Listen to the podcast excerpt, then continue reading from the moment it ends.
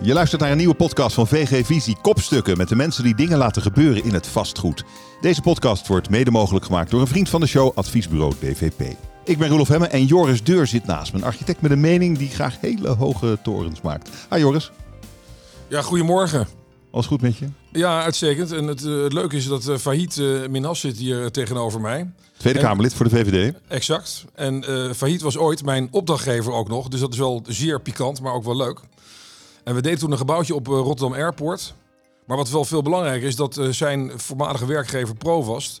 eh, die bouwt nu zeg maar de hoogste woontoren in Amsterdam. Tenminste, de bouw is begonnen nu, gelukkig eindelijk. Het heeft even geduurd. Twee jaar. Hè. De, de bouwvergunning lag er onherroepelijk. Al twee jaar lang. En dat wil zeggen dat deze toren, die had eigenlijk al, ja, die had er eigenlijk eh, zeg maar over, nou ja, één, anderhalf jaar had, al, die had er al moeten staan. En dat is eigenlijk natuurlijk een, een ramp.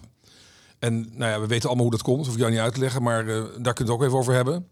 Maar dat is wel een van de dingen die eh, natuurlijk, eh, ondanks het feit dat Provast natuurlijk een ontwikkelaar is die graag al tempo maakt, blijkt dat toch allemaal heel, blijkt de praktijk heel weer- weerbarstig te zijn. Wij gaan praten over wonen, over al die woningen die gebouwd moeten worden. Liefst 100.000 per jaar. Wat voor woningen moeten dat worden? Is het haalbaar? Hoe dan? En waar zouden al die huizen eigenlijk moeten komen? Fahid Minas is hier, Tweede Kamerlid voor de VVD. Nogmaals welkom. Fijn dat je er bent. Ja, hartelijk dank. Het is natuurlijk hartstikke leuk om hier te zijn. Ik ben inderdaad Tweede Kamerlid en ik heb hiervoor eh, in de projectontwikkeling gewerkt. Daar ken ik Joris inderdaad ook. Provast Ja. eh, in Den Haag eh, gewerkt aan de Markthal, Feyenoord City. Ja. Wethouder geworden vervolgens op je dertigste in Schiedam. Je bent ook een fan van torens. Ja, zeker. Ik hou van, eh, van, van hoogbouw. Binnenstedelijk ook, omdat dat eh, mooie Ja. oplossingen zijn om Ja. heel veel mensen te kunnen huisvesten. En je laat in Schiedam wel wat na. Een eh, project van 3000 woningen, vooral in de hoogte. Ja, zeker, zeker. Omdat ik vind dat je op binnenstedelijke plekken nabij OV-knooppunten heel veel woningen zou kunnen bouwen. En dat past ook bij goede ruimtelijke ordening. Hè? Je moet niet eh, op eh, OV-knooppunten waar heel veel mensen makkelijk bij elkaar kunnen komen, waar goed openbaar vervoer is, daar moet je niet eengezinswoningen neerzetten, want die nemen heel veel ruimte in beslag. Als je goed openbaar vervoer hebt, dan moet je proberen heel veel mensen te kunnen huisvesten. Die makkelijk ook met de trein bijvoorbeeld naar hun werk kunnen. Dan hoef je ook veel minder parkeerplaatsen te maken. Heb je ook gedaan. 3000 woningen. Ik vind het veel. Ja, het zijn 3.500 woningen zelfs. Dus het zijn er veel Kijk, meer dan je denkt. Kijk. Ja. Eh, en nu ben je dan Kamerlid met ruimtelijke ordening in je portefeuille. Hoeveel woningen heb je nu al gebouwd? Nou, ja, ik bouw zelf niks. Dat is het grote voordeel. Uiteindelijk zijn het de marktpartijen die het doen. En gelukkig hebben we heel veel goede marktpartijen in Nederland. Projectontwikkelaars, bouwbedrijven en goede architecten. Laten we het ook niet vergeten. Daar moet ik ook trots op zijn. Die, eh, Oh, die ook mooie gebouwen kunnen maken. had je nog niet genoemd, Joris. We hebben een eh, stelling waar we straks graag met je over willen praten. Maar ik wil eerst even eh, het met je hebben over de bom die minister De Jonge gisteren... bij- Gisteren was 19 mei en toen kwam hij met zijn eh, idee... om de huren in de vrije sector aan banden te leggen. Een puntensysteem, zoals in de sociale huur... waardoor eh, de huren nooit hoger kunnen worden dan 1000 tot 1250 euro. Ja. Vinden we dat een goed idee, heren? Eh, even denken. Ik denk, het niet dat, ik denk niet dat het een goed idee is. Nee, dat gaat wel erg ver. Want dat wil zeggen, dan, dan wordt ook de vrije sector helemaal gereguleerd. En is het wel zo, kijk, je moet reëel zijn. Ik denk dat heel veel mensen eh, kunnen maar hooguit 1000 tot 1200 euro betalen. Dat is al best wel veel. En als je daar boven komt, dan kom je eigenlijk een beetje in een eh, soort vorm van experthuren al terecht. Ehm, Ja, dat denkt de Dus, minister ook. En, dus, en dat, eh, dat is, eh, dus dat is wel, dat heeft wel twee kanten. Maar uiteindelijk is het zo dat, eh, dat eh, als, je, als je het over vrijheid hebt, dan gaat dit wel erg ver.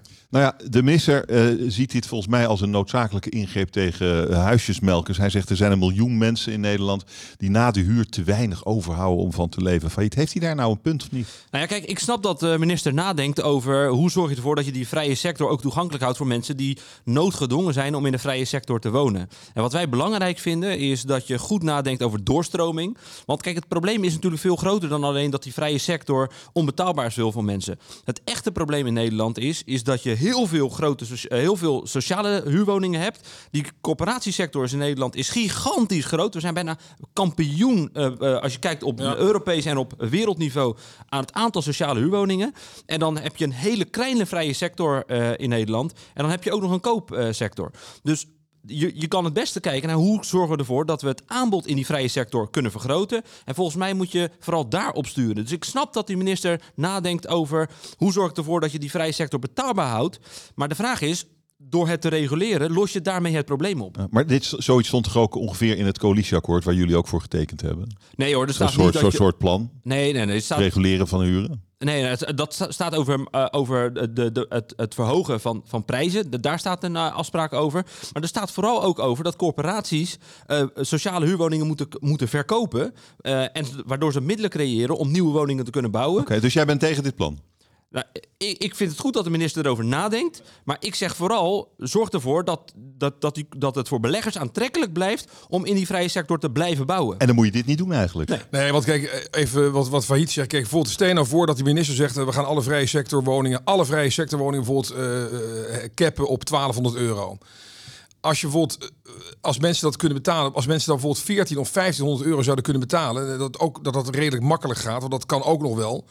Eh, dat soort verschillen eh, zijn qua rendement waanzinnig. Die, die hebben een enorme impact. Hè. Dus eh 100 tot 200 euro extra huur, wat mensen eventueel gewoon makkelijk zouden kunnen betalen. Dat is voor beleggers, ontwikkelaars, dat scheelt al enorm veel. Hè. Dus we, kijk, je hoeft niet meteen van 1200 naar 2000. Hè. Dat, dat hoeft ook niet. Maar die paar honderd euro maakt al waanzinnig veel uit in de, in de, in de berekeningen. Dus dat, dat moet je wel realiseren. Als dat niet meer kan, dan heb je echt een mega probleem. Ja, het is natuurlijk ook wel een enorme ingreep in het eigendomsrecht. Je ontneemt iemand de kans om van zijn eigendom eh, eh, eh, profijt te trekken. Dat is toch ook niet heel liberaal.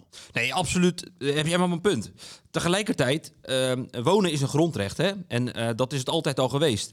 Maar nogmaals, de, oplos, de echte oplossing is dat je voldoende woningen bijbouwt. Ook in het vrije segment.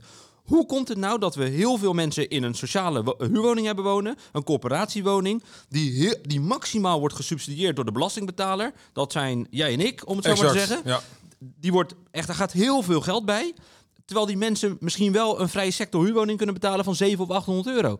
Die corporatiewoning die moet vooral bedoeld zijn voor mensen die daar echt behoefte aan hebben. Die groep is veel kleiner dan die eh, groep die daar nu gebruik van maakt. En dan moet je nadenken, hoe creëren we het aanbod eh, vrije sector huurwoningen tussen de 700 en 11, 1200 euro.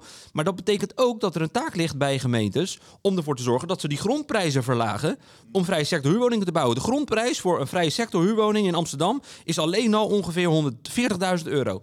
Als, daar, als je daar bovenop eh, nog eens de bouwkosten optelt, ja, dan kan je bijna geen fatsoenlijke vrije sector huurwoning meer explo- exploiteren. Dus het is ook een hele belangrijke taak vervolgens voor gemeentes om ervoor te zorgen dat het een betaalbare eh, vrije sector huurwoning wordt. Die moeten dan de grondprijs ook verlagen. Wij komen ongeveer bij onze stelling. En eh, Joris en ik hebben een stelling bedacht. En die stelling is heel simpel. Namelijk Nederland is vol. Eh, dat moet je zien tegen de achtergrond van de ambitie van het kabinet om 100.000 woningen per jaar te bouwen de komende acht jaar.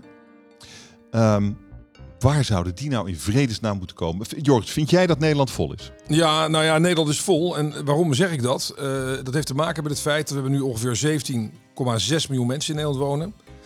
En wat je altijd ziet is dat het is al een enorme uitdaging om voor, voor dit aantal mensen te zorgen. Dat lukt ons al niet.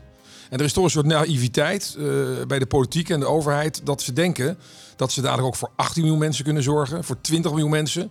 Dus wij moeten eigenlijk ons realiseren dat. eh, eh, kijk, het is niet. Het klinkt altijd snel dat je denkt dat je, dat je asociaal bent als je zoiets zegt. Maar we moeten eerst. Dat is heel belangrijk. Moeten zorgen dat we voor de mensen die er nu zijn, dat we daar goed voor kunnen zorgen. Hè, dat is onze. We hebben natuurlijk, wij zijn natuurlijk een westerse beschaving als Nederland. Wij willen dat al die mensen in Nederland gebruik maken van het sociale stelsel, van het gezondheidsstelsel. En dat ze ook een goede woning hebben van ons onderwijsstelsel. En dat lukt ons nu al niet. Dus dat is ook de reden dat ik zeg dat Nederlands vol is. En dat we de. En dan. En het probleem daarbij is nog dat al die mensen moeten een woning hebben. Nou, dat, dat is vooral het probleem waar we, waar we het hier over moeten hebben, denk ik. Nederland is vol failliet. Wat vind jij? Nou, ik vind het veel te makkelijk om zo'n conclusie te trekken. Want als je dat stelt, hè, wat Joris zegt, hè, dat we 17,6 miljoen mensen hebben en dat daar eigenlijk niemand meer bij kan. Gaan we dan geboortenormen opleggen zoals ze dat in China hadden vroeger? Ik ben daar helemaal geen voorstander van. Wat ik wel een hele goede vraag vind is. Ehm, voor wie bouwen we woningen? Hoe zorgen we ervoor dat we de mensen die in Nederland wonen, ook de starters die thuis wonen, de senioren die thuis wonen, die veel te lang in een, eh, in een eengezinswoning wonen en die doorstromen, hoe zorg je ervoor dat je die mensen op een goede manier gaat zorgen dat die aan een, eh, aan een nieuwe woning komen? Maar om dan te zeggen dat de conclusie is dat Nederland, dat Nederland vol is. We moeten er gewoon voor zorgen dat we die taakstelling van 100.000 woningen op jaarbasis, dat we die halen. We weten ook waar we die woningen kunnen bouwen. Het enige wat we moeten doen is snel aan de slag om die woningen te bouwen. En om dat te kunnen doen, moet je ervoor zorgen dat je procedures vereenvoudigt, dat je grondprijzen verlaagt en dat je eh, processen die bij gemeentes ontzettend lang duren, dat je die eh, afschaft. En die omgevingswet die moet daar aan bijdragen. Maar waar, waar, Maar moeten, ik- waar oh. moeten al die woningen dan komen? Ik wil even, even zeggen over wat Failliet zegt. Kijk, natuurlijk eh, is het zo eh, dat het ook niet helemaal realistisch is om zoiets te zeggen. Omdat je weet dat het land moet groeien. Want we moeten altijd mensen binnenlaten, zoals de Oekraïners, hè, die in de problemen zitten. Daar moet altijd ruimte voor zijn. Maar uiteindelijk is het zo, waar wij natuurlijk in Nederland steeds beter over moeten nadenken, omdat we zo'n dichtbevolkt land zijn, is overleefbaarheid. En daar gaat het nooit over. Maar Joris, één ding. Als ik daar dan even op me in, Ja. inhaken. Je ontwerpt fantastische gebouwen. Die woningen moeten ook gebouwd kunnen worden. Die aannemers die komen handjes tekort. Ja. Die woningen die jij vervolgens eh, eh, eh, bij, voor corporaties, de- die bouwprojecten die je ontwerpt om te verduurzamen, Ja. die moeten ook verduurzaamd kunnen worden. Daar heeft die installatiebranche, die komt handen tekort. Weet ik. Dus op het moment dat wij zeggen dat we, dat we helemaal stoppen met opleiden van mensen die, die, die, die onderkant van de samenleving, die expats die, die we binnenhalen voor de hoogopgeleide mensen, dat we daar ook mee stoppen.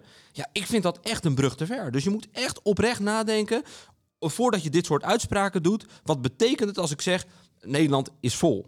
Nou, vol in, in de zin. eh, Vol van, gebouwd. Van, Dat- vol, van vol gebouwd. Weet je, er, natuurlijk zullen er mensen bij komen. Natuurlijk zullen er mensen van buiten komen. Pff, dat gaat gewoon gebeuren. De grote vraag is meer: wat doen we met al die mensen die erbij komen? Want eh, onze stelling is: het is vol. Zoek maar eens een plekje. eh, eh, voor een woning. En Joris wil niet dat je in een weiland gaat bouwen. Exact. Ja. Kijk, omdat jij gewoon een goede wethouder in Schiedam was en, en dat jij natuurlijk de competentie had, omdat je ook de achtergrond als projectontwikkelaar had, heb jij ervoor gezorgd dat er in Schiedam met jouw kennis en expertise die je al had, dat je kon zorgen dat er binnenstedelijk hè, in een middelgrote gemeente woningen kwamen.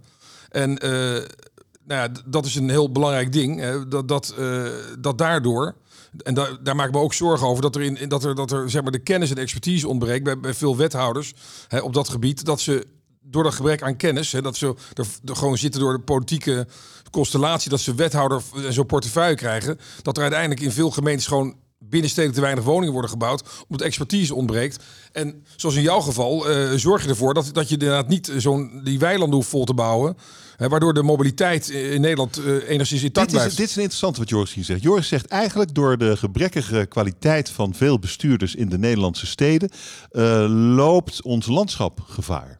Kijk, volgens mij is het zo dat. Ja, maar zie eh, jij dat ook? Nou, de- is we wat gaan simpel. Even, ik, ik zou het eerst even abstracter bekijken. Die abstractie, dat abstractieniveau zit hem in een NOVI, de Nationale Omgevingsvisie. Ja. Pro- provincies worden straks eh, verantwoordelijk. Afgelopen week heeft minister Hugo de Jonge een mooi programma gepresenteerd. Die heeft gezegd, we hebben heel veel opgaven op het gebied van energietransitie. Programma Nationaal eh, eh, Landelijk Gebied. Ehm, er komt heel veel aan als het gaat om die woningbouwopgaven. Eh, drinkwaterbedrijven die kunnen amper meer voldoende drinkwatervoorziening realiseren. Elektriciteit natuurlijk. Het elektriciteitsnet staat onder druk. Die opgaven die moeten bij elkaar gebracht worden. Provincies worden daar verantwoordelijk. Dus die provincies die hebben een hele belangrijke taak. Die moeten zich daarvan bewust zijn. En het mooie vind ik... Kijk, bestuurders die komen langs... maar het, zijn, het is de, het ambtelijke apparaat die die bestuurders moet voeden. En natuurlijk is het zo dat als er op een plek eh, een minder goede bestuurder zit... eh, laat ik het maar even proberen wat genuanceerder uit te drukken... dan Joris dat zei... dat het soms iets langer duurt dan, dan het zou hoeven te duren. Maar kijk, het wil niet zeggen dat... en dan verplaats ik het... dan- ga ik even concreter in op datgene wat jij zei, Joris. Ja. Als je ervoor kiest om binnenstedelijk te bouwen... en dat zien we met die dreeftoren van jou die jij Ja. benoemde... waarom duurt dat nou zo lang? Omdat er ook heel veel mensen in de omgeving zitten. Omdat een gemeentelijke organisatie daar torenhoge eisen aan stelt. Waardoor zo'n plan gewoon niet haalbaar wordt. En ik denk dat je niet eh, moet uitsluiten dat je ook aan de randen van steden. Dus ik zeg niet dat je ga maar ergens een polder volbouwen. Hè, dat zullen we op termijn misschien ook wel moeten doen. Hè. Kijk nou naar Almere Pampus bijvoorbeeld. Dat is een geweldige plek die je makkelijk bereikbaar kan maken. Maar kijk nou naar aan de randen van grote steden. Die zijn hartstikke goed om daar nog uit, eh, uit te breiden. hoe, hoe groot is de rand van een grote stad? Tot, Eh, tot waar? Nou ja, kijk, dat is per stad anders. Hè? Maar Amsterdam gaat... eh, Ja, gaat ik, wil, ik, wil, weer- ik wil eigenlijk weer stadsmuren hebben. Ik wil stadsmuren weer hebben. Dan hebben we gewoon. Nee, maar. Ja, de Kijk, stad ik, heen, ik ga nu Joris. even, kijk, kijk, ik heb net gezegd dat Nederland vol is. Hè, en eh, ik zeg dat niet voor niks. Hè, dat, heeft, dat, heeft, dat, zeg maar, dat klinkt natuurlijk ongenuanceerd, maar dat is ook functioneel. Ehm, wat jij zegt, heb je natuurlijk gelijk in. Natuurlijk is het zo dat we hebben mensen nodig. Hè? Hoogopgeleide mensen, maar ook eh, mensen die, die dingen kunnen doen, die kunnen bouwen, et cetera. En dan heb je uiteindelijk eh, waarschijnlijk, maar we hebben ook nog heel veel mensen in Nederland die niet meedoen. Hè? Dat is ook nog zo. Ja, hè? absoluut. De- dat moet ook, en eh, kijk, en het, mijn probleem is altijd dat die miljoen mensen die niet meedoen, die eigenlijk moeten werken, dat op dat ene manier niet lukt. Daar moet de politiek zich ook wel meer voor inspannen om te makkelijk mensen binnen te halen. Nee, maar je, Het- wij d- dat is onze eerste taak. helemaal- Dat is onze eerste taak. Nee, joh, maar eh, weet je, wij vinden elkaar er helemaal. Ik vind het belachelijk dat er mensen zijn dat je, dat je in plaats van kijkt wat mensen niet kunnen, dat je, dat je kijkt naar wat mensen wel Exact. kunnen. Dat is wat we moeten doen in dit land. En er zijn er veel te veel die al eh, op zo'n manier staan afgeschreven. En we denken, eh, joh, je kan niet, dus eh, ga maar lekker thuis zitten en hier heb je een uitkering. Maar we hadden het eigenlijk over ruimtelijke Nee, ordening. maar dat, maar dat heeft wel met nee, maar wat, maar dan komt het moeten de- volgende. Waar dan komt moeten de het woningen komen? En wat, nee, maar wat, wat, wat, eh, wat daar- daar, nu kom ik, dan ga ik er even verder op in. Het is zo dat uiteindelijk is zo, als je wat failliet zegt, heeft natuurlijk helemaal gelijk in. Op een gegeven moment dat je natuurlijk al die mensen nodig hebt. Maar je moet uiteindelijk, als je wil bouwen, dan moet je ke- keuzes maken. En dat wil zeggen, en dan moet je ook echte keuzes maken. En als je echte keuzes gaat maken, want dat gebeurt niet in Nederland. Doet meneer De Jonge niet. Dat doet, eh, eh, dat doet al die. hè, dat, ik heb, we hebben hier mensen aan tafel gehad die ook eh, waar, waar steeds blijkt dat ze geen keuzes maken. Als jij, dat is even mijn punt nu, dan komen we daarop die, van waar moeten die woningen dan komen. Laten we even hebben over die Hugo de Jonge. Hè? Die stuurde een tijd geleden op LinkedIn een, kaartje. Hè, van, waar de Rijksvastgoedbedrijf nog gronden heeft. In de Noordoostpolder onder andere. Bij Lelystad. Kijk, daar kan je natuurlijk best leuk bouwen. Kan je echt heel veel woningen bouwen. Maar dan kan je geen vliegveld daar neerleggen. Dat gaat niet. Dat kan niet. Dat is, Maar dat, is wat jij vindt, hè? Dat is wat jij vindt. Maar, ook dat, maar, weet je, maar weet je waar dat door komt? Dat komt omdat wij bizarre normen hanteren als het gaat om bouwen of wonen eh, om, eh, rondom een luchthaven. Dus gisteren, eh, of eergisteren is een uitspraak gekomen Ja. voor een bouwproject eh, eh, bij Amstelveen. Dat is eh, in de nabijheid van Schiphol. En het ILT, dat is de Inspectie voor Leefomgeving en Transport, heeft geprocedeerd tegen een bouwplan van de gemeente Amstelveen. Het is natuurlijk te bizar voor woorden dat de ene overheid tegen een andere overheid protesteert, maar dat even los hiervan. En ehm, het, het is zo dat dat bouwplan dat voldoet aan de allerbeste eisen. Die Exact. woningen die zijn echt top of the bill. Mensen die daar wonen, die horen eigenlijk helemaal niks.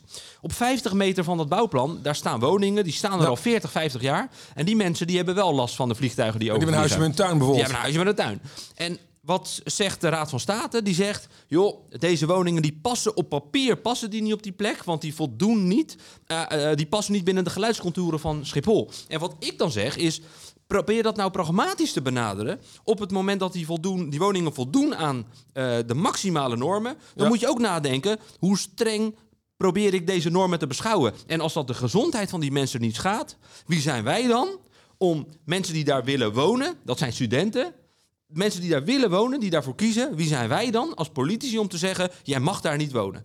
Nou, dat, die, die, maar die dit, is, maar dit is de, precies de reden dat ik dit zeg. Want het is absurd dat dit project niet door kan gaan. Dit is echt absurd. Want kijk, het interessante is dan...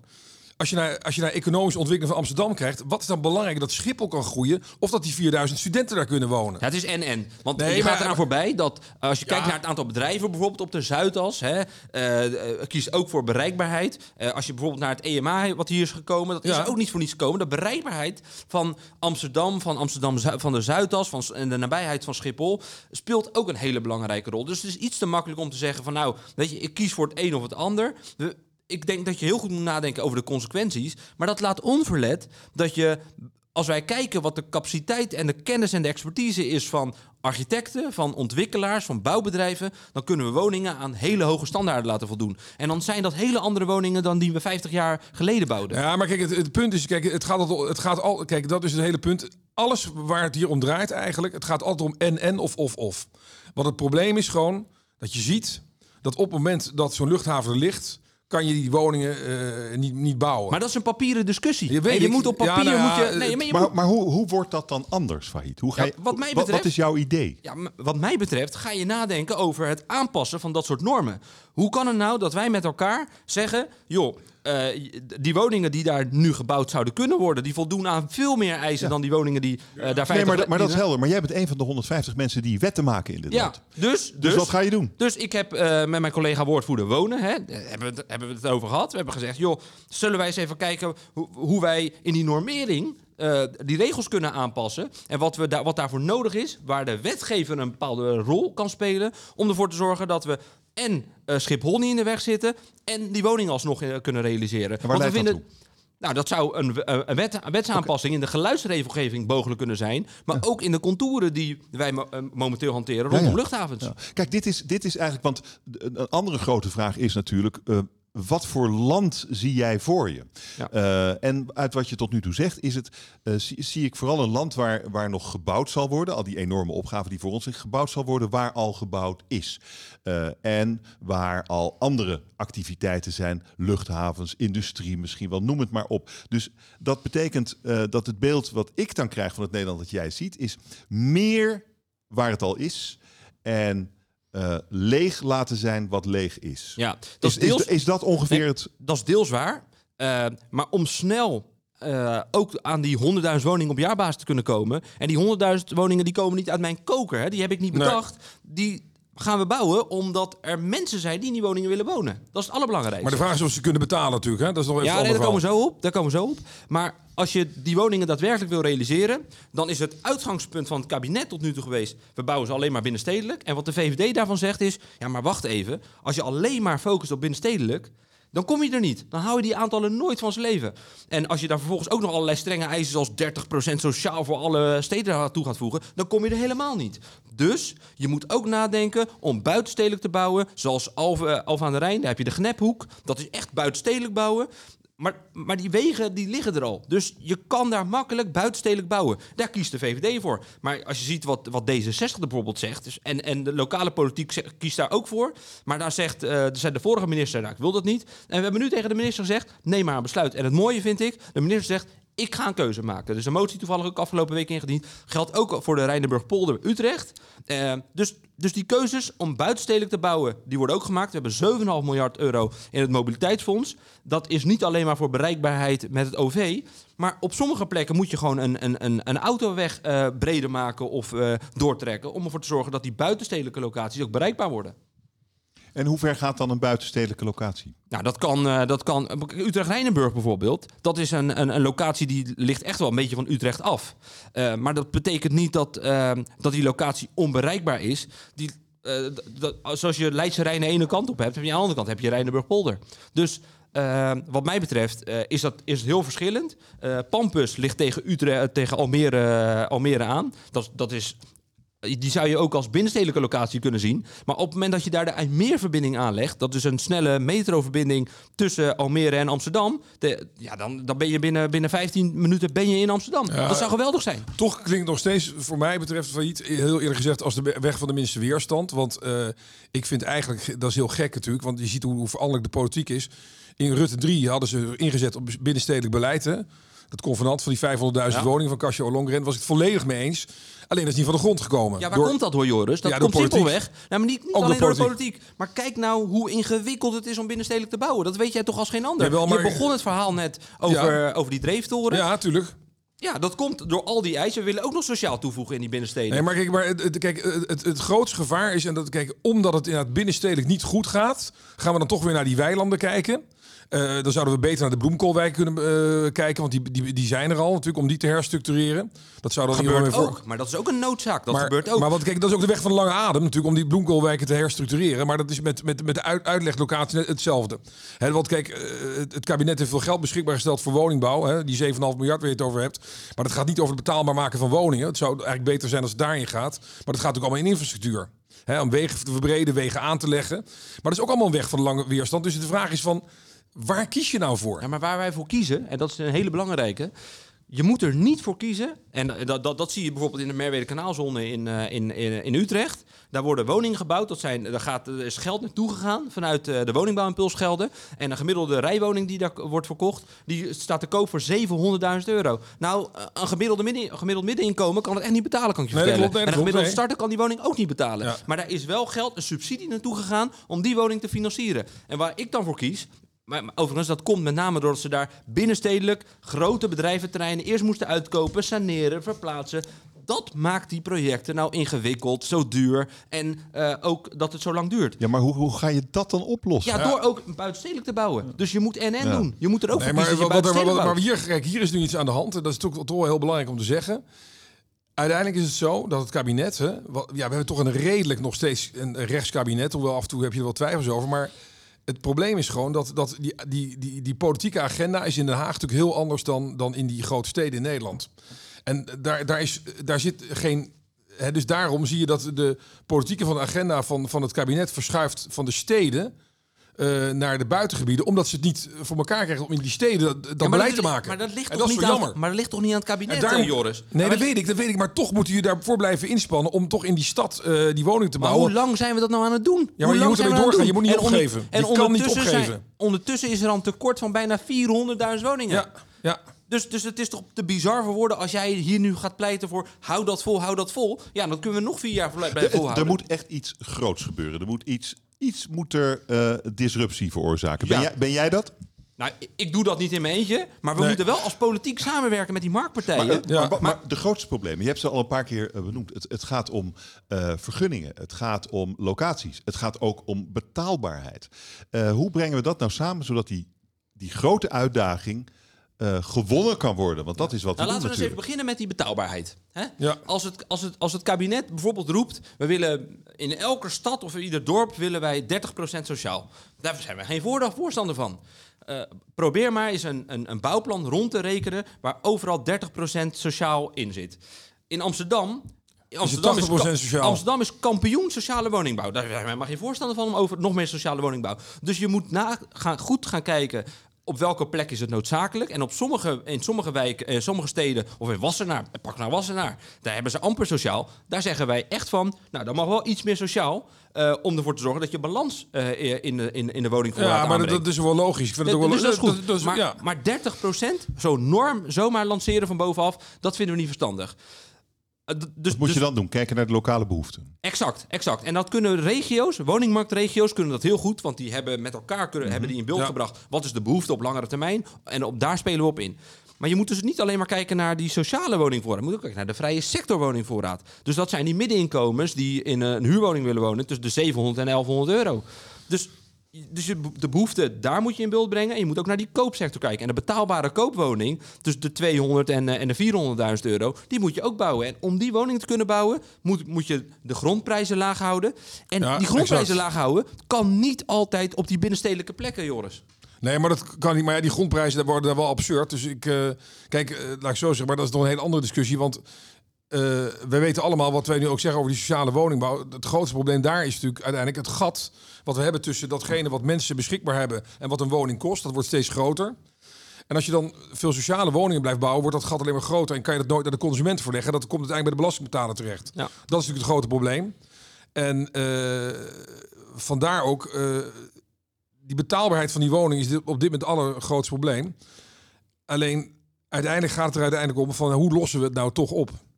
Ja. Daar gaat het uiteindelijk om. En, en, en mijn voorstel zou zijn, en dat is wat, precies wat, wat goede ruimtelijke ordening ook inhoudt. Aan goede ruimtelijke ordening heb je niks als je alleen maar kiest. We willen alleen maar in die binnensteden bouwen. Aan lege weilanden, eh, waar boeren zijn vertrokken vanwege het stikstofprobleem, heb je helemaal niks. Ja, mensen die thuis wonen, jongeren die thuis wonen, senioren die in een eengezinswoning wonen, heb je helemaal niks. Ja, die kunnen uitkijken op een weiland eh, vanuit het huis van hun ouder. Nou, ik vind het onbelangrijk, die weilanden. Maar goed, want als ja, je, die zijn eh, zeker belangrijk. Als je gaat schaatsen, dan is het toch wel leuk als je ook voor toekomstige generaties dat, eh, dat je er niet alleen maar door, door ja, een dan. stootje van beton. Dan ben je 40, woon je bij je ouders en dan ga je op je 40ste met je ouders. Ja, eh, maar, dat, dat, ja, maar kijk, dat, dat, dat is ook weer overdreven natuurlijk. Want dat tegen, kijk, het kan ook zo zijn dat, dat dingen zich oplossen door andere Oké, dus de mechanismen. goed, goedkopere grond is eh, het ei van Columbus als het gaat om andere, betaalbaarheid onder van Onder andere, en Hoge rente. grond vind je onder andere Ja. en, eh, ook buiten de stad. Ja. En dan een ander ding. Ik heb een citaat van jou gevonden in de voorbereiding op ons gesprek. Als ontwikkelaar ergerde ik mij mateloos aan de traagheid van de procedures bij de overheid. Ja. Eh, nou, ehm, is het al veranderd? Heb je al wat gedaan? Nou, weet je wat het mooie is? Eh, deels is het lokaal en deels is het landelijk. En lokaal is dat met name dat je ziet dat er, eh, dat, dat er gewoon geen, geen capaciteit is bij gemeenten. Er zijn gewoon geen ambtenaren die zo'n bouwplan kunnen eh, behandelen. Dus wat je dan ziet is dat eh, een, een, een ontwikkelaar, die heeft samen met een architect of een aannemer, die hebben een, een plan, plan klaar liggen. En die komen dan aan bij een gemeente en de gemeente zegt, ja, ja maar ik, ja, ik, moet dat, ik weet niet of ik dat wel kan behandelen. En wat, wij, eh, wat ik dus eh, in, in eh, Schiedam, toen ik wethouder was, wat ik daar heb gedaan, ik heb tegen zo'n organisatie gezegd, ja, maar jullie hoeven helemaal niet met z'n twaalfen van de afdeling buitenruimte, vanaf de, met de afdeling stedenbouw, groen, vergunningen, handhaving, straatinrichting. Je hoeft helemaal niet met z'n twaalfen naar zo'n plan te kijken en vervolgens eh, eh, 16 van die integrale overleg te organiseren. Dus dat is de taak die bij gemeentes ligt. Maar wat we ook zien, Maar wacht even, de taak die bij gemeentes ligt. Ja. Daar ga jij natuurlijk niet over. Ja, maar waar we wel over gaan, en dat is wat we geregeld hebben, ook mijn collega Peter de Groot, die vanuit wonen eh, deze Mhm. taak heeft opgepakt. En dat is een hele belangrijke. Om, want kijk, wij kunnen niet mensen uit een, eh, eh, uit een koffertje halen of uit, een, uit een zak. Dus wat we hebben gedaan, is we hebben tegen de minister gezegd. Zorg ervoor dat je die gemeentes en provincies gaat ondersteunen met capaciteit. Er zijn genoeg adviesbureaus die die, die, die taakopvatting, die, die spe- dat specialisme kunnen en in, in huis hebben. En eh, er is een knelpuntenpot en ook capaciteit. Dus een gemeente die een groot, een groot plan heeft, die kan bij de provincie aankloppen en die krijgt daar gratis een projectleider om ervoor te zorgen dat zo, dit soort bouwplannen worden, eh, versneld worden behandeld. Dat is een fantastisch verdienmodel, zegt de overheid die het zelf niet aan kan en dan extern gaat inhuren voor veel Er gebeurt al heel veel natuurlijk. Ja, Ja, nee, maar is dit, maar, verdien- maar is, dit, is dit de oplossing? Ja, maar dit is een van de dingen om ervoor te zorgen dat bouwplannen versneld worden behandeld. Want het is natuurlijk. Kijk, een gemeente kan er ook natuurlijk ook niks aan doen dat die mensen er niet zijn. Of niet bij een gemeente willen werken, maar bij, bij een gemeente twee eh, deuren verderop, om het zo maar te zeggen. Dus je moet er wel voor zorgen dat je de het is kennis... wel pragmatisch in elk geval. Ja, dus je moet Ja. wel die mensen hebben. ja, ja. Maar eh, laat ik zo wat als je failliet hoort uiteindelijk, en eh, daar gaat het uiteindelijk om, is dat er moet heel, je moet, aan je moet heel veel dingen doen. Je moet heel veel doen. Je moet eh, bijbouwen. En nou goed, ik ben tegen dat bouwen in die weilanden. Maar er, zijn ook nog heel veel andere dingen die je kan doen. Ik denk uiteindelijk dat de oplossing toch is dat eh, wat ons uiteindelijk verder gaat brengen, dat is natuurlijk de techniek.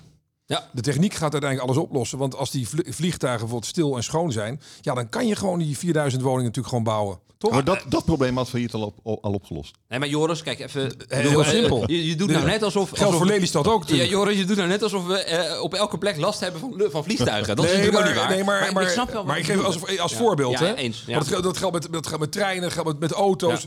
Als je ziet wat wij tegenwoordig aan geluid moeten doen.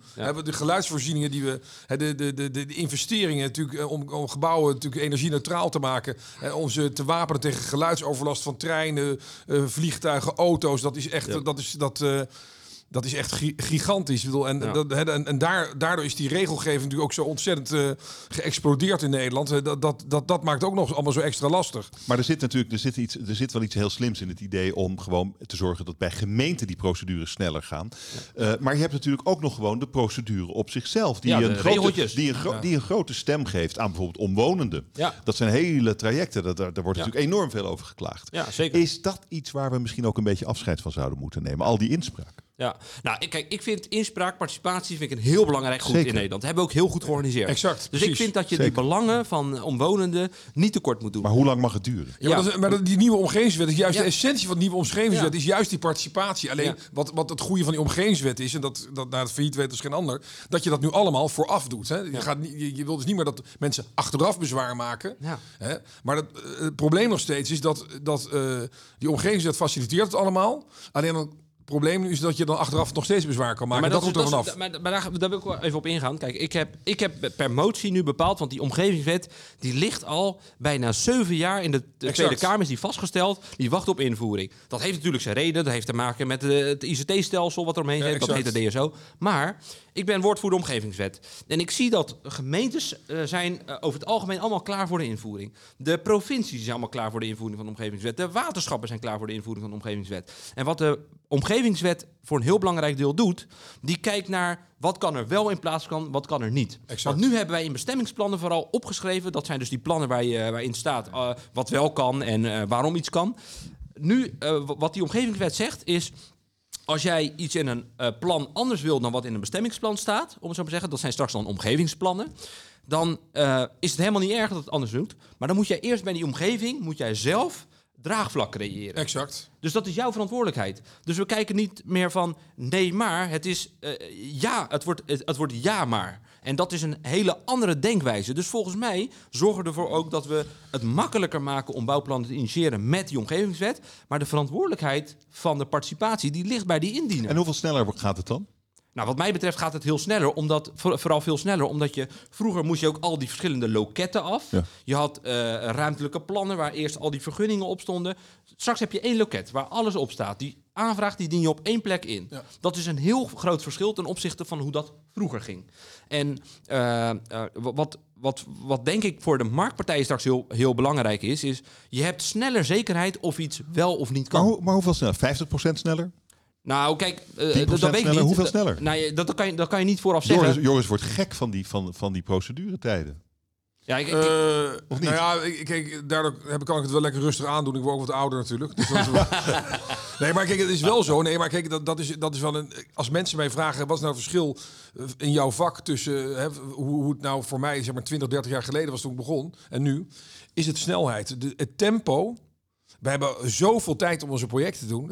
Tempo, eh, natuurlijk hebben we altijd wel fases dat we even heel hard moeten werken. Dat het even spannend is als je een bouwvergunning moet indienen. Maar als je kijkt naar het tempo van die projecten, dan is dat het allergrootste verschil, denk ik wel. Ja, want het echte bouwen dat maar 2,5, eh Ja. 3 jaar hè, vaak. Ja. Afhankelijk van hoe groot zo'n plan Maar die is. voorbereiding. Ja, maar die voorbereiding gaat zoveel tijd. Maar kijk, je kan niet een percentage aan koppelen. Want stel je nou voor, je hebt van alles gedaan aan participatie. En Roelof, jij woont ernaast en jij zegt, nou leuk al eh, eh, dat participatieverhaal. Maar ik kies er toch voor om bezwaar te maken. Exact. Dan vind ik niet dat, je, dat dat recht jou ontnomen moet worden. Maar dan is het wel lokaal aan de politiek of aan het bestuur om af te wegen of jij voldoende bent meegenomen in dat participatietraject. En uiteindelijk heb je ook nog het recht van bezwaar en beroep bij een rechter. eh, en uiteindelijk bij de Raad van State. En ik vind persoonlijk, en dat hebben we ook geregeld in dit eh, coalitieakkoord, dat de Raad van State veel sneller uitspraak moet doen. Want het is op het moment dat jij bezwaar aantekent en je hebt al twee keer, eh, eh, want je komt eerst bij een rechter en je kan in een hoger beroep gaan.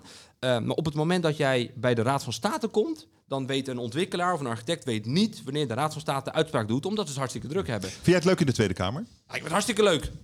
Hoe wil jij herinnerd worden? Nou, ik vind het veel te vroeg om daarop terug te kijken. Nou ja, of, daar, nou, of- ho. vooruit te kijken, zeg je, maar. Je, je politieke levensduur in de Tweede Kamer op dit moment is het nog een jaar of drie. Nou, dat, weet je misschien niet. wel langer, maar zeker weten we dat het drie jaar is. Nou, dat, we- dat weet je niet, hè? Dat weet je niet. Nou ja, daar niet. heb je natuurlijk ook gelijk in. Het Ja. kan morgen verkeerd gaan. Maar als, er, als het kabinet niet valt, heb je nog een tijdje. Ja. Drie jaar. Hoe wil je na die periode herinnerd worden als Kamerlid? Dat weet ik niet. Kijk, wat ik vooral wil is... Tuurlijk weet ik- je dat. Hoe Nee, kan je dat nee. nou niet... In Schiedam denken ze, nou, dat was die wethouder, die heeft gewoon 3.500 woningen gerealiseerd. Dat nou, dat nee, nee, vrij- nog, we hebben een woonvisie gemaakt waarin we 7000 woningen hebben staan. Dus die andere woning moet ook nog komen. Dus, eh, nee, nee, maar even Ja, terug. maar dat is toch heel duidelijk. Ja, nee. Lokaal is heel duidelijk. En nu zit je daar met 20 partijen in de Tweede Kamer. Ja. Hoe wil je herinnerd worden? Nee, kijk, ik heb mijn, mijn portefeuille is veel breder dan alleen ruimtelijke ordening, omgevingswet. Ik doe onder andere water, maar ik doe ook openbaar vervoer en spoor. En eh, wat heel belangrijk is aan het bouwen van woningen, ook buitenstedelijk, is ervoor zorgen dat die woningen bereikbaar zijn. En wat wij Ja, is, bijvoorbeeld- ja precies. Maar wat wij bijvoorbeeld in Nederland doen, en dan kom ik eh, zeker op jouw vraag, is we denken vaak heel erg traditioneel. En ook gemeentes en provincies die denken vaak traditioneel over het bereikbaar maken van woningen. Eh, een praktisch voorbeeld. eh, we hebben eh, twee keer per jaar hebben we zo'n MEERT-overleg. Dat is een meerjarenprogramma infrastructuur, eh, Ruimte, ruimte ja. trans- eh, en transport. En dan wordt er gesproken over ja, waar gaat het Rijk geld in investeren om wegen aan te leggen, spoorprojecten te verbeteren, bruggen te verbeteren, dat soort dingen meer. En wat ik zie is. De middelen zijn beperkt, hè? maar er zijn hele hoge ambities. En als ik al die ambities van alle gemeentes en provincies moet eh, inwilligen, ja, dan hebben we eh, z- 60 keer zoveel geld nodig. Waar ik voor zou pleiten is dat je op een innovatieve manier kijkt naar hoe zorg je ervoor dat je die gebieden bereikbaar maakt. En eh, in plaats van overal maar treinverbindingen en spoorverbindingen naartoe aan te leggen, kan je er ook voor kiezen om een hele snelle busverbinding aan te leggen. Een snelwegbus bijvoorbeeld. Eh, eh, BRT, bijvoorbeeld het Bus Rapid Transport. Maar die mag dan wel gewoon op de snelweg rijden, hoop ik Tuurlijk mag die over snel. Stel, stel je voor, die- sterker nog, die moet juist over de snelweg rijden. En niet weer zo'n busbaan. Nee, je- maar, Hartstikke nee die, moet je, die hoef je niet per se aan te leggen. Maar je hebt vluchtstroken liggen. Maar je wilt herinnerd worden als de man die de bus op de snelweg... Nou, nee, helemaal niet. Ja, maar maar, ik- ik, waar ik me juist aan herinner word, is dat je op een innovatieve manier kijkt naar hoe je die opgaves aan elkaar koppelt en daar goede oplossingen voor bedenkt. Maar is het dan toch zo dat als ik jou hoor eh, failliet gaan we de middenklasse toch buiten de stad weer huisvesten en niet in de stad waar ze eigenlijk juist zo nodig zijn, toch? Nee joh, nee, dat is toch flauwekul, Joris. Dat is een conclusie die gaat helemaal nergens over. Wat heel belangrijk is, en dat weet je, en ik zie het aan je lach, is je moet NN doen. Alleen als je NN doet, kan je ervoor zorgen, dat, dat is pas Ja, dat, en, en dat is juist mijn probleem. Ik denk dat we, dat we ook naar een... eh, moeten we naar een NN-samenleving of een of-of samenleving? Ja, en, en, ik denk, of, en ik denk... en of. En of, en of. Nee, maar kijk, eh, het, eh, ik, heb toch het, ik ben er toch van overtuigd dat er ook... dat, je, dat er keuzes gemaakt moeten worden. En dat je dan, als je echte harde keuzes maakt, dat je dan uiteindelijk toch eh, al die dingen die jij wil kan faciliteren. En dan kan je ook eh, meer mensen toelaten. Kan- Nederland, kan de bevolking ook nog groeien. Dat gaat of staat bij harde keuzes. Want uiteindelijk hebben we die woningen in die binnenstad nodig. Want daar is de werkgelegenheid. Daar eh, hebben die, zijn al die banen nodig. Hè, die onderwijzers, die politieagenten. Dus daar moeten jullie je toch echt voor blijven Ik inspannen. denk, dat ik denk dat jij niet meer langs de zijlijn moet blijven staan eigenlijk, Joris. Ja, goed. Ik Ik, denk dat jij het enige gewoon wat- die ja, arena en, en in ik wil nog één ding, ik wil nog één ding zeggen. Ik- Kijk, er is nog één. je praat eromheen. Wat? Over drie jaar zijn er weer verkiezingen. Ja, goed, maar ik, eh, ik ben te oud, Je jong. hebt een partij, toch? Je bent nooit te oud, eh, Joris. Ik ben, nee, maar goed, ik, eh, ik, eh, ik ga er natuurlijk wel over nadenken, natuurlijk.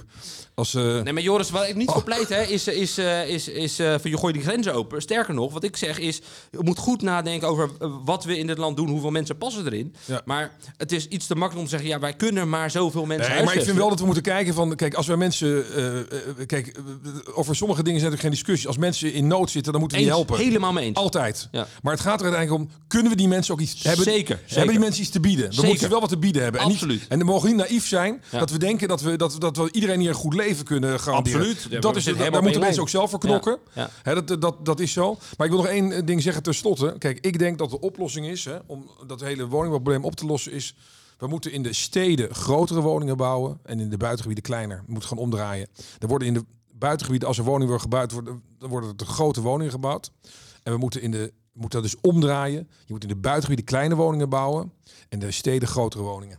Volgens mij moet je Want de bouwen... stad waar- hokt op. Volgens mij moet je bouwen waar vraag naar is. Nee, dat En sowieso, Dat, maar- kan, dat kan per locatie kan het anders zijn. En op sommige plekken in de binnenstad kunnen het grote woningen zijn. Bijvoorbeeld senioren. Vaak denken wij hier met z'n allen dat senioren, mensen die dus 55 of 60 plus zijn, die eh, in een eengezinswoning wonen, die naar een appartement willen, dat dat dan een klein appartement is. Dat is echt flauwekul. Dat heb ik eh, ook als wethouder gezien. Ja. Die mensen willen echt een royaal appartement hebben, maar wel in de buurt, dicht bij Maar voorzieningen. dat klopt toch wat ik zeg dan, toch? Ja, maar nogmaals, dat geldt voor senioren. Maar als je kijkt naar de jonge stedeling... die zegt, nou, ik vind het prima om een appartement van 50 vierkante meter te hebben... maar die wil wel in de stad wonen. goed, dan die wil even- helemaal niet in de nou buitengebied ding, wonen, want dit is- Joris. is ook- dit is- is een, eh, is een standpunt van, eh, van, van de VVD en daar ben ik het ook wel mee eens. Kijk, als je het over de behoud van de middenklasse in de grote stad hebt, Ja. als jij allemaal van die hokjes maakt, hè, van 30 vierkante meter, ik neem maar even als voorbeeld, hè. Ik woon er alleen, ik ben afgestudeerd en zo. Dan krijg ik toevallig loop ik tegen een vriendin aan of een vriend. Ja. En dan zeg je, nou kom er maar bij wonen. Nou, dat kan met in 30 vierkante meter kan je nog zeggen, hè, in de huidige maatstaven, van daar kan iemand bij wonen. Maar dan komt er een kindje. Ja. Ja, in een appartementje van 30 vierkante meter kan dat niet. Met- Maar in een appartement van 60 vierkante meter wel. En dan kan je dus daarin groeien. En dan kan je uiteindelijk heb je de kans om te wachten tot je binnen de stad een stap kan maken. Want als dat niet kan, dan moeten die mensen de stad uit. En dan zijn ze voor de stad verloren. Dan gaan er weer twee banen verloren. Maar nogmaals, het is dus en-en, hè. Dus je moet dus niet in de alleen stad maar grotere woning... woning is heel belangrijk. Maar niet alleen maar die 30 vierkante meter woning, maar ook de 60 vierkante meter. Overigens, ik vind 60 vierkante meter helemaal niet groot. Dus Nee, je moet maar- dus echt keuzes nee, maar- maken over wat bouw je op welke plek. En dan moet je 30 vierkante meter appartementen maken voor de jonge stedeling. Je moet de, de, de 60 vierkante meter maken voor de mensen die samenwonen. Je moet ook 90 en 120 vierkante meter. Dus het is niet zwart, zo zwart-wit als jij het eh zo Ja, stelt. maar ik moet het wel duidelijk stellen om te zeggen want dat die, bij die, bij die hokken. Ja, die maar wij zijn hier op. geen gebouw voor jou met jou aan het uittekenen. Hè? We zijn vooral aan het nadenken Nee, maar, over... nee, maar, eh, ik zie de tendens dat de stad hokt op. Ja. Door die sociale huurgrond van 730 euro. Ja. Zegt zijn, zijn beleggers en sowieso- ontwikkelaars die appartementen steeds kleiner gaan maken. Hè? Ja. Anton maakt allemaal van die kleine hokken. Nee, nee, maar volgens mij zitten we op één lijn. En we zitten ook op één lijn als we zeggen... de grenzen moeten niet open. We moeten goed kijken wat we in Nederland hebben. Maar eh, je moet oppassen dat dat niet de consequentie heeft... of dat mensen daardoor denken... ja, ik mag geen kinderen meer krijgen... want uh, Joris vindt het land te vol. Failliet, Nee, dankjewel. nee, nee, Fijn dat je er was. Eh, eh, we hebben heel veel besproken. Het, Ja, was, eh, dankjewel. het, het, het was mooi. Heren, dank jullie zeer. En dank ook aan de vriend van de show adviesbureau DVP die deze serie mede mogelijk maakt. Luister vooral ook naar de andere afleveringen van Kopstukken. Die vind je op vgvisie.nl of natuurlijk in je favoriete podcast app. En abonneer je dan meteen even. Dag.